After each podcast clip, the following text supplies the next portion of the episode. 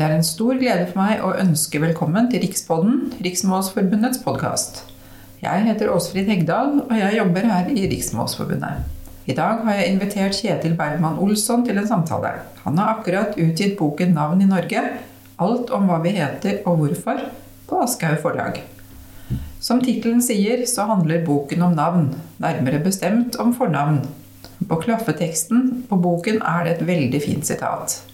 Alle liv skal navngis. Helt fra vårt første pust så vurderes det hvilket navn som vi skal bære livet gjennom. For foreldre kan det være en betydelig oppgave, og iblant er det verdt å gå en strafferunde bare for å være sikker. Det er lett å hive seg på trender, men vanskelig å ombestemme seg når valget først er tatt. Og valgmulighetene er større enn mange tror. Husk at navnet skal gjentas i det uendelige resten av livet, helt til det står på en gravstøtte. Det syns jeg er et veldig flott sitat. Um, og jeg kan jo si litt om mitt navn, da, for å være litt sånn navnebeskuende uh, innledningsvis. Um, jeg har en uh, veldig uh, fint lite ark som kommer fra et album som faren min lagde til meg da jeg var baby. Og på det siste arket så har han skrevet en lang utledning om navnet mitt. Og der står det Åsfrid er et urgammelt norrønt navn. Ås er et vanlig forledd i norske navn og betyr Gud. Når Ås samtidig betyr skogkledd berg, et tre og bjelke, så kommer det av at våre forfedre dyrket gudene i hellige lunder og ved hellige trær. Frid betyr fred. Eh, men som siste nevn, ledd i navn betyr frider vakker, verd å elske. Og det kommer av ordet fria, som betyr å elske. Altså betyr navnet Åsfrid 'elsket av Gud' eller 'til å være til behag for Gud'. Sitat slutt. Det er ganske voldsomt, da. Ja, jeg syns jo du er ganske heldig som har fått en så fin beskrivelse av ditt navn. Ja. fordi at de fleste, meg inkludert, har nok fått navnet litt som følge av at det har vært eh, en trend eh, det året de har fått av det. Kjetil jo, eh, har jo bare hatt én eh, topp i moderne tid, det var på 1970-tallet. Mm. Det gjorde at jeg fikk navnet og havnet i klasse med tre andre Kjetil. Så jeg mm. ble jo kalt for Olsson hele min ungdomstid.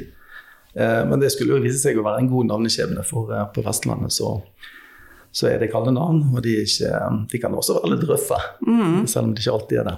Så men det er jo, det er jo mange som, eh, som, eh, som, heter Kjetil. Og det er ikke mange som får navnet i dag, men, men det er rundt 10 000 som heter det. Mm. Men du nevnte i sted at eh, det er nesten ingen som får det nå? At det er helt ute på en måte av navnesirkulasjonen? Ja, og det kan man ofte se på altså sirkulasjonen som er på sånn 100-120 år. Og gjennomsnittsalderen på de som bærer navnet i dag, er 46 år. Ja. Så, så, det vil gå noen år før det blir aktuelt igjen. Det man gjerne sier at det er oldeforeldregenerasjonen i dag som, eh, som skaper eh, navneinspirasjon for dagens eh, foreldre. Ja, nemlig. Du sa at det er 46, det stemmer vel sånn omtrent med deg? Og jeg la merke til i boka di så skriver du at Astrid, da, som er på en måte en, en form for ås, en avart av Åsfrid, er 57. Og det stemmer jo på en prikk med meg, f.eks. Eh, så det er jo veldig interessant. Men hva betyr ordet Kjetil, da? Ja, altså, Det er jo norrønt som, eh, som, ditt navn. Mm. Eh, og det betyr hjelm eller offerkjele. Ja. De, de, mener at det opprinnelig var et tilnavn, selv om det er et ganske forunderlig tilnavn. det må jeg si. Men, men dette skriver seg tilbake til at det var et av de mest vanlige navnene på landsdommerne på Island. Mm. Så denne tiden der uh, man fikk uh, norsk bosetning på Island på, på 800-tallet. Ja, altså vikingtiden, da. Mm. Så, så, det, har, det er et navn med lang tradisjon og historie i Norge. Men, men, akkurat nå er det nok ikke på sitt mest populære. Men så begge, både Åsfrid og Kjetil, det er liksom norrøne navn, da? Ja. Vi har den samme, den samme bakgrunnen for Eh, eller utviklingen av de navnene. Og det som jeg lurer veldig på med deg, da, det er jo kommer, hvor kommer den fra, den interessen for navn? Som du åpenbart har, da. Som du har klart å på en måte drive så langt at du har skrevet en stor og veldig interessant bok om. Ja, det er et veldig naturlig spørsmål å spørre til en lekmann som har brukt eh, mangfoldige år på, på, mm. på, navn. Så jeg har jo reflektert litt eh, over dette. Og, og det er litt som vi var inne på. Altså, de fleste navneinteresser starter med eget navn. Og det gjorde det også for meg. Og spesielt når det var så mange som het det samme som meg, så var det en sånn slags vekker og mista litt identiteten til fornavnet når du blir kalt for noe annet. Så det var noe som, eh, som, pirret interessen. Samtidig så var det jo litt sånn at eh, jeg skjønte ganske tidlig at denne navneinteressen var der i, i større grad enn kanskje andre ungdommer på min alder. For eh, det var sånn at med disse fotballkortene da jeg var ung, så, så startet det et eller annet år. Altså da, da, var det navn der som, som, interesserte meg voldsomt. Det var jo et år der Sibniet er like naturlig å, å, bruke som årets navn i Norge, Christian, i 1986. Og jeg merket at dette, dette pirret i min eh, navneinteresse. Mm. Men det var likevel først når jeg ble far eh, at det virkelig gjorde jo, det ble alvor. Fordi at du skal liksom finne et navn som skal gi identitet til et liv. Og som du sa, det skal gjentas i det uendelige. Og da tok man det virkelig på alvor og gikk inn i dette for fullt. Nå har jeg skrevet en bok om det å bli foreldre. Jeg skulle kanskje byttet om på rekkefølgen på de, men jeg har skrevet navneboken først. Men, men den kom i hvert fall etterpå. Eh, men det er det som ligger til grunn, da. Men det, hvilke refleksjoner gjorde du deg da, da du satt der med et nyfødt barn eller et barn som var på vei til å bli født?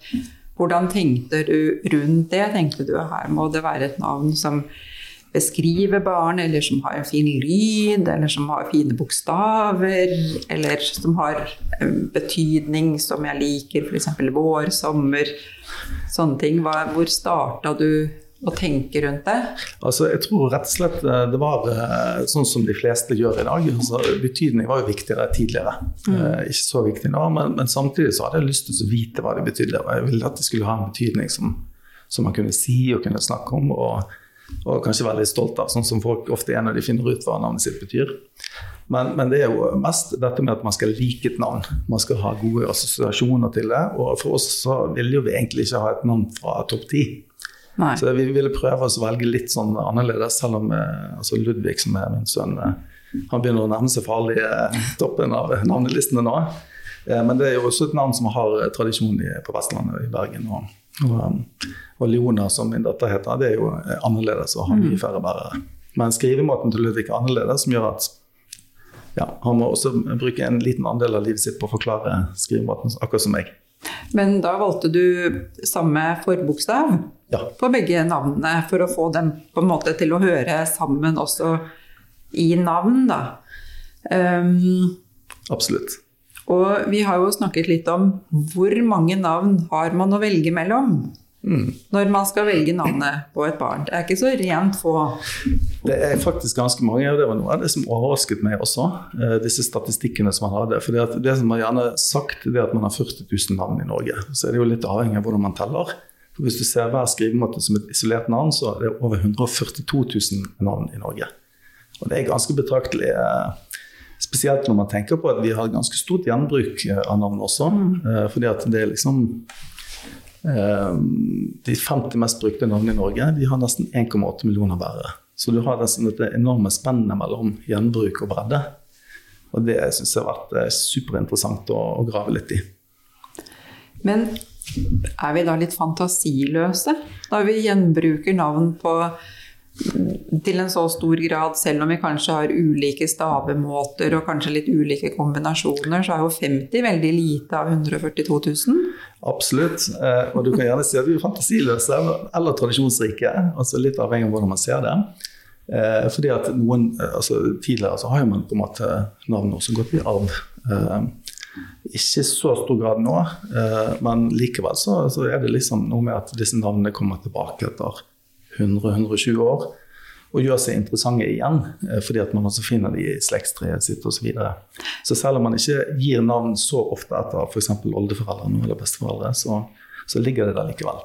Mm. Men, så du mener at det er litt mindre vanlig med oppkalling nå? Det er ikke sånn første sønn skal hete det, andre sønn skal hete det?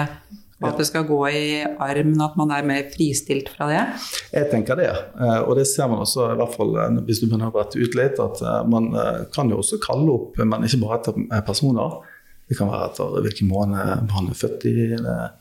Sånn som April er jo ganske nært knyttet til fødselstidspunkt, mens, eh, mens August, som er blitt min sønns andre fornavn, det, det heter mange, selv om de ikke er født i august.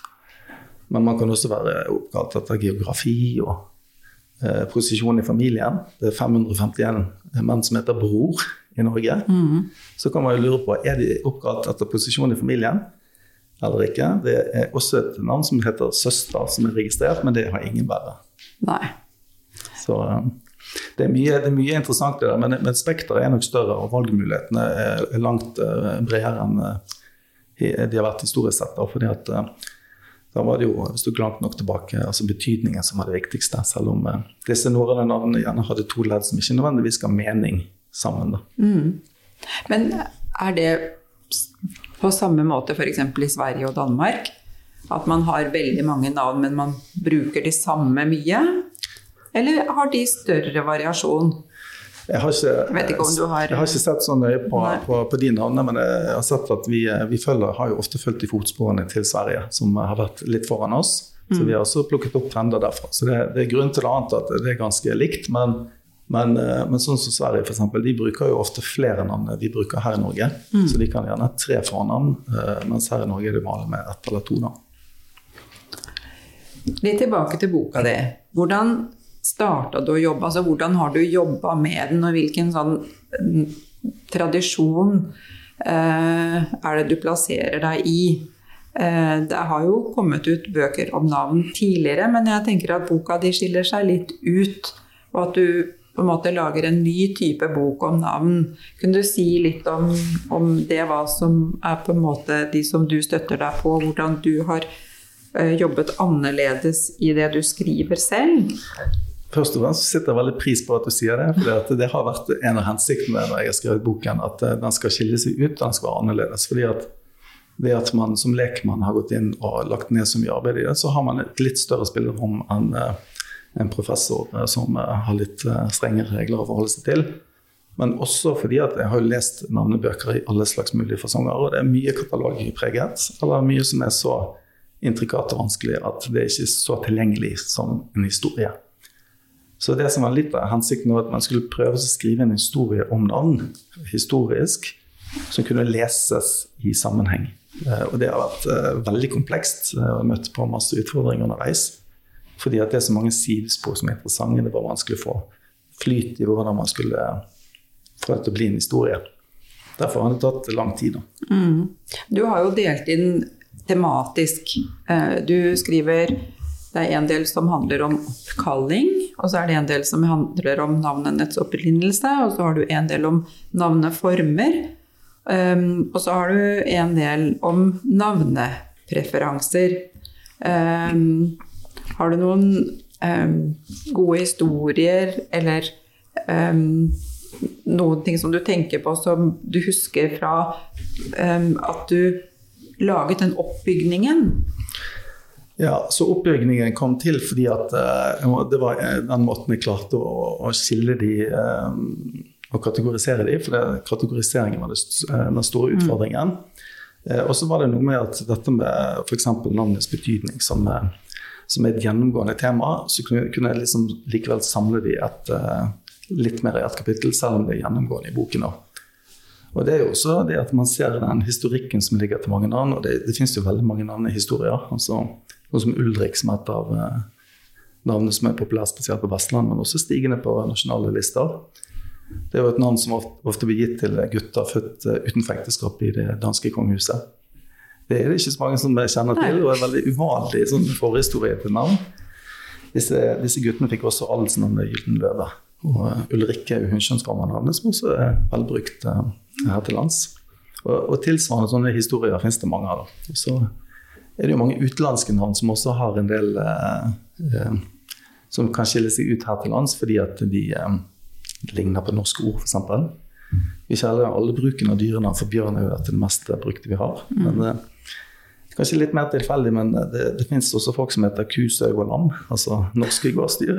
Eh, så, så, her finner man liksom mye forskjellig i alle slags mulige retninger. Og da var det liksom et behov for å og så, og så finne en vei mot navn som er inspirasjonen, og kildesortering der man henter dem fra. For det er jo, mye er jo knyttet til tro, f.eks. Altså, Jesus lever i Norge i beste velgående i navneverden. Og, mm. og det er jo også andre religioner. Mohammed har etablert seg som toppnavn i Oslo. Eh, så det var liksom eh, Og så har du navnespagater, som, som jeg kalte den ene biten, som går litt på, på, formen på navnet. Altså det at du har et navn som Johannes, som har skapt så enormt mange navn. Eh, mm. Hans, Johan osv. i Norge, og også i utlandet. Mm. Så bare det navnet har liksom spredd seg og, og, brukes over hele den kristne verden i hvert fall. Eh, for før så var det jo veldig vanlig at man hadde sånne stumme hår, f.eks. Um, og jeg ser jo at noen f.eks. skriver 'Johannes' med i. Altså mm. at man finner litt sånn kreative løsninger. Men det med den stumme H-en, den har kanskje blitt borte, eller? Nei, du har noe i Sara og Noah. Uh, hva har vært ideen bak den, eller hva har vært bakgrunnen for det? Det er jo internasjonalisering som, er, som har brakt den hit, men samtidig så er den jo fortsatt levende, som du sier. Altså Toppnavnet i Norge er Noah, eh, som er toppnavn sammen med Jakob. Det er både Noah uten H og med H, men mm. H-en er jo mest populær. Og så tradisjonsrike navn som Elisabeth i Norge. Stum H har ingen funksjon. Eh, på engelsk så har Elisabeth eh, altså en, en funksjon. Mens det fins også stum H i Roar, som vi ikke bruker så mye. Der, der foretrekker vi Roar uten H. Så denne stumme H-en lever faktisk eh, fortsatt, og, det er en del av den internasjonale mm. jeg skal ikke si trend, for det har jo vært en påvirkning over lang tid. Eh, men, eh, men den, den, lever i høyeste grad. Det kan jo ha vært for å få navnet litt lenger, kanskje. Altså bare for å Hvis det er et kortnavn, da, at NOA kanskje blir litt kort, og at man ville bare ha en sånn forlengelse på. Absolutt, for dette har jo hatt ulike trender. Sant? Vi har trender med lange navn og korte navn. Så en stund så handlet det om å være populær med korte navn, og Jo er jo et eksempel på det, mm. også fra Johannes eh, for øvrig. Eh, mens i andre tilfeller så ønsket man eh, lengre navn, og, og da er disse H-ene liksom litt fjonge, da. Vi har jo også vært inne på dette med klasse og navn og engelske eller navn med engelsk opprinnelse, hvor du har noen interessante synspunkter på det, f.eks. med Johnny, Ronny, den type navnetradisjon. Kan du si litt om det? Ja, altså, jo, Det er mange som har vært opptatt av med status i navn. for mm. det, har ikke vært gjort så mye undersøkelser på det. Men det ble gjort en undersøkelse i Oslo der man definerte disse som, som mest østkantnavn. Og så har du noen som var typisk på vestkanten, og som Preben og og Håkon, for f.eks. Eh, og dette med angloamerikanske navn det var jo en trend som, eh, som, kom til Norge som spesielt ble mottatt av arbeiderklassen. Og det som er litt interessant med dette året, det er jo at det kommer jo egentlig herfra også. For det man gjerne sier, det at Ronny, som gjerne er symbolet for lavstatusnavn, det ble dratt Vikingene tok med seg det altså Ranvald vestover. Og så har det funnet ulike former, og så kom det tilbake som Ronny på, i etterkrigstiden i amerikanske Hollywood-filmer. Og ble da omfavnet av, eh, av, middelklassen, eller arbeiderklassen, mm. som, eh, som, eh, Men uten at det da hadde tradisjon i Norge, så det fikk en rask opptur og en rask nedtur. Så har det liksom vedvart litt dette med mm. seig, denne forvektende den statusen som navnet har hatt. Men, men samtidig så er det jo Altså Disse konkurslistene som, eh, som Ronny f.eks. har preget, er jo overtatt av Jan for lengst. og Det er jo fordi at Jan er, er det vanligste navnet i Norge. Og da vil du liksom ha Jan som lykkes, og Jan som havner mm. utpå. Men det er jo ikke så, det var mange som hadde de navnene da jeg vokste opp, f.eks. Mm. Det var sånn Roar og Jonny og Ronny. Så var det jo samtidig også mye av disse du nevnte høystatusnavnene, da, som jo ofte er kongenavn. Ja. Eh, F.eks. Olav, Håkon, Harald. Ja. Um, det har jeg ikke sjekka, men jeg lurer på om de kanskje ikke er så hotte lenger nå i dag. Det er ikke så mange som heter Håkon, eller er det det? Eller Harald? De er på vei eh, oppover, de er det. Og, og de er jo eh, egentlig betegnet som klassiske navn. Så de, følger kanskje ikke samme navnekurve som mange andre navn, for disse kongenavnene har vært uh, eh, altså jevnere mellomrom er populære. Mm. Og du kan nok finne de høyere på listen enn en del av de andre navnene vi har snakket om nå, som, eh, som ligger i samme aldersklasse, da, kan du si. Mm. Men, men, også i kongerekken så ser man at det gjenbruket har vært ganske betydelig. Altså I 284 år, fra 1530 til 1814, så het alle de dansk-norske kongene Kristian eller Fredrik. Mm. Og dette er også navn som er ganske klassiske og, og brukes i dagens samfunn, men ikke så ofte på, på småbarn akkurat nå. da. Men hva heter de nå, da? ja, nå er det jo eh, Altså, du har jo Emma og Nora, da, som har eh, preget topplistene. Og egentlig er topplistene ganske stabile, både for jenter og gutter. Eh, Sofie har også vært en gjenganger, både med ulike skrivemåter og ulike hendelser. Men det som har definert jentenavn i stor grad, er jo at de har A-endelse. Mm. I 1947 så var det 12,5% som hadde A-endelse, og i dag er det over 50. Det er en ganske høy andel. For guttene så er det fortsatt disse bibelske navnene som gjør seg gjeldende. Eh, og i 1950 så var det vel ja, hva var det 1,5% ganske lav prosent, mm. mens det i dag er 20. Altså hvert femte guttebarn får, får bibelske navn. Det er jo interessant i forhold til det at vi har et mer sekularisert samfunn nå enn vi hadde på på, på 50-tallet, da? Absolutt. Eh, fordi at eh, det er ikke noe mer slitasje på norske kirkegulv, antagelig, selv om vi bruker flere bibelske navn. Og, og, noen av de har også kommet til ganske sent. altså Noe som er, som er toppnavn nå, det var nærmest ikke-eksisterende i Norge for år 2000. Mm. Eh, og det, det, er jo også vil jo også da mene navneforskerne står i frykt for å få et fall i status, fordi at det har ikke tradisjon i Norge. Det kommer fort, blir veldig populært, og da vil det kunne miste statusen sin også på sikt. da. Men eh, akkurat nå så er det bibelske navnet er fortsatt ganske eh, rotte, kan man si.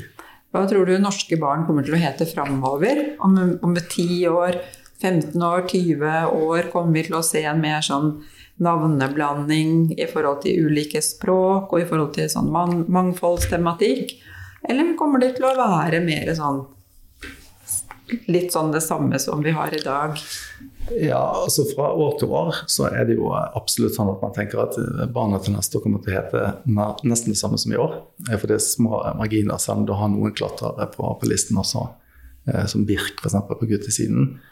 Men, men, det ganske det, det, går år mellom eh, Ikke sånn som før. Eh, for før så hadde jo du enda lengre perioder. Altså, mm. som, som Jan, som overtok navnet Hegemini på, på 40-tallet, var på toppnavn i 35 år. Altså førsteplass hvert år som er ganske betydelig. Mm. Mens, eh, mens, det er nok litt mer variasjon nå. Og sånn som i 2022 så var det jo en større andel som fikk faktisk et helt unikt navn, både gutter og jenter. Altså, vil si eneste bærernavnet. Så, mm. Således ikke en del av SSB-statistikk av personvernhensyn. Og det er jo også litt interessant. Samtidig som så får vi jo nesten 6000 nye navn i Norge hvert år inn i katalogen. Og det vil jo også kunne påvirke navnestatistikkene våre. Um, så det er mange interessante ting her. Disse oldefars og oldefedre og mødrenavnene som kommer tilbake, de kan gjøre seg gjeldende. Utvikling i Sverige kan påvirke hva vi liker. Så det er alltid spennende å følge med. da. Men fra år til år så er det nok ikke så store overraskelser for, eh, for de som følger dette nøye. Og så er det veldig vanskelig å spå. Eh, vi har også sett eh, spådommer fra, fra, fra velkjente navnefolk i Norge som som sliter med å finne ut hva som blir populært. Men vi har snakket veldig mye om guttenavn og jentenavn. Hva med mer sånne ikke-binære navn? Eh, som på en måte kan brukes både på jenter og gutter. Eh, eh, som hvis man f.eks. ser på amerikanske TV-serier og sånn, så ser man jo at veldig mange karakterer har navn som kan være både gutter og jenter. Eh, er det noen som på en måte seiler opp der? Absolutt, det er mange der allerede. Eh, Nora som er det mest populære jentenavnet eh, for, for babyer. Eh, det er det fire menn som heter som eneste fornavn. Mm. Så gjennomgående på listen så finner man faktisk bærere av ulike kjønn. Og det er jo interessant i seg selv. Mm. Og så er det jo eh, gjerne sånn at det er en større andel av kjønn som, som bærer den enn den andre. Så det er sånn navn som Robin, f.eks., som brukes av begge kjønn. Det er jo absolutt mest eh, menn som bærer det. Eh, og det er jo eh, fordi at det, er en kjelleform av Robert. Men på, på midten av 1900-tallet ble det også tatt i bruk som jentenavn. Men da var det antagelig inspirert av det engelske navnet på rødstrupe. Ja. Så, så de, de, har gjerne ulike opphav hvis de brukes av, av begge kjønn. Det er interessant. Mm. Hva var det mest spennende du oppdaga i løpet av arbeidet med boka di? Ja, Foruten disse statistikkene som jeg syns er liksom oppsiktsvekkende i seg selv, så var, jo, um, så var, det jo, det at man finner så mye forskjellig i den bredden som vi har. At vi bærer altså navnet på uh, så mange personer fra verdenshistorien. Vi bærer enormt lange navn og korte navn. altså Det er nesten 100 menn i Norge som heter X, bare i bokstaven. Eh, og hvis, når man går inn i dette, så finner man ut at ja, kanskje det kan knyttes til eh, hvordan tamiler eh, har blitt registrert inn i folkeregisteret. Det har vært forklaringen på, på, disse X-ene, eh, f.eks. Men, men, det er liksom også vanlige navn som, som danske Karen, som på en måte har flyttet vestover og blitt et uttrykk, Karen, mm. om en eh, altså en, en privilegert, selvopptatt og urimelig kravstor kvinne. Eh, og, og, det stakkars de karene som, som, må bære med seg det, for det, styrer man jo ikke selv. Men, men, det er altså det er bevegelse i, i denne verden, og det er et enormt rikt eh, omfang. Eh, også disse som, eh, som, gir navn til seg selv. For det er jo noen som gir seg selv en navnegave også. Eh, og et av de som jeg, min personlige favoritt, er jo selveste. At eh, det var forfatter og TV-mann Erling Arvola som tok selveste som fornavn. Som da vil gjøre enhver entré ganske mye mer spesiell. Her kommer selveste Erling Avola. Og så tenkte jeg kanskje han er alene om det, men det var han ikke. Det var 14 andre som het det også. Så du finner veldig mange sånne eh, morsomheter og, og, og navnehistorier. Sånn som dette med, med, Jonas, som ikke brukes på, på Vestlandet pga. overtro knyttet til Bibelen.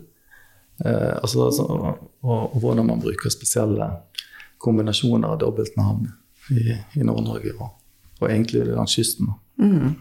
Så, eh, så, det har vært eh, altså et stort tema. Og det har vært veldig vanskelig å, å kutte ut eh, en del av det. fordi at eh, jeg leverte jo et, et, manus som var nesten Om ikke det var dobbelt så stort, var det i hvert fall større. Så vi har jobbet ganske lenge med å bare altså, eh, spisse det. Så det er kanskje ikke så rart da, at man velger trygge og tradisjonelle navn til barna sine?